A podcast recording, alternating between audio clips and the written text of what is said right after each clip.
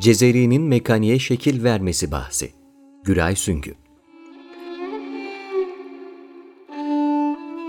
Bir gece yarısı başladı her şey.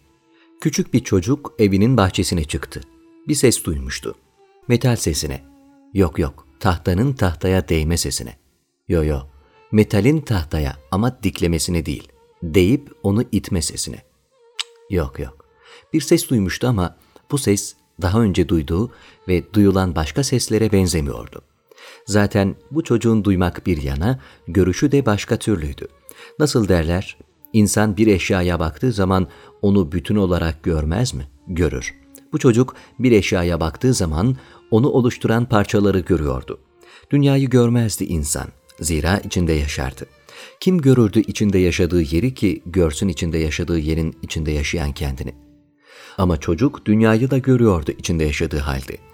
Çocuk dünyanın döndüğünü bilmiyordu. O zamanlar böyle şeyler henüz bilinmiyordu.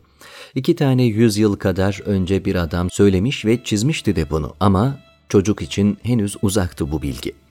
Ama içinden bir his doğup gelişiyor ve dünyanın hareket ettiğini söylüyordu çocuğa.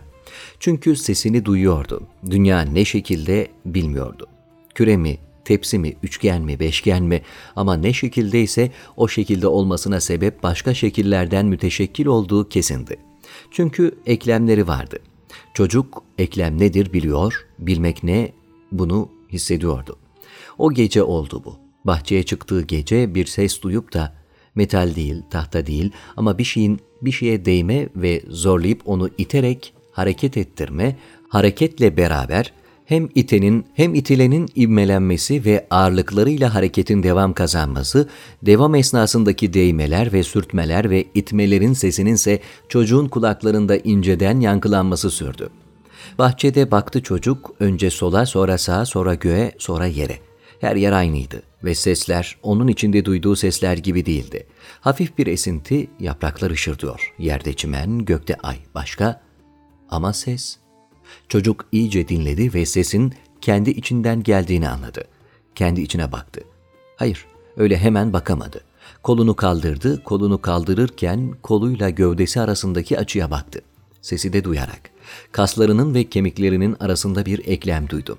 İşini yapan, gücü ileten, destek olan, sonra aklı uçtu çünkü bir fark ediş bin bir kapıyı açardı insana. Bin bir kapı açılınca bin bir şey görürdü insan. Kalbini duydu çocuk. İnip kalkan, şişip inen, inip kalkan ve durmayan, durmayan, durmayan. Çok korktu demiş miydik? Yok, aklı uçtu demiştik. Aklı uçtu çocuğun ve göğe baktı.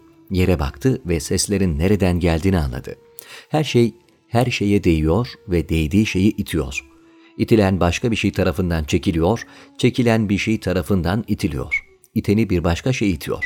İten bir başka şey tarafından itiliyor aldığını veriyor, aldığını iletiyor, iletilen azalarak yol alıyor. Yol alırken bir dirsek sayesinde gücü iki katına çıkıyor. Yola devam ediyor. Her dokunuş ve itişle bir ses çıkarıyordu. Dünyayı ilk o zaman gecenin karanlığında gördü çocuk.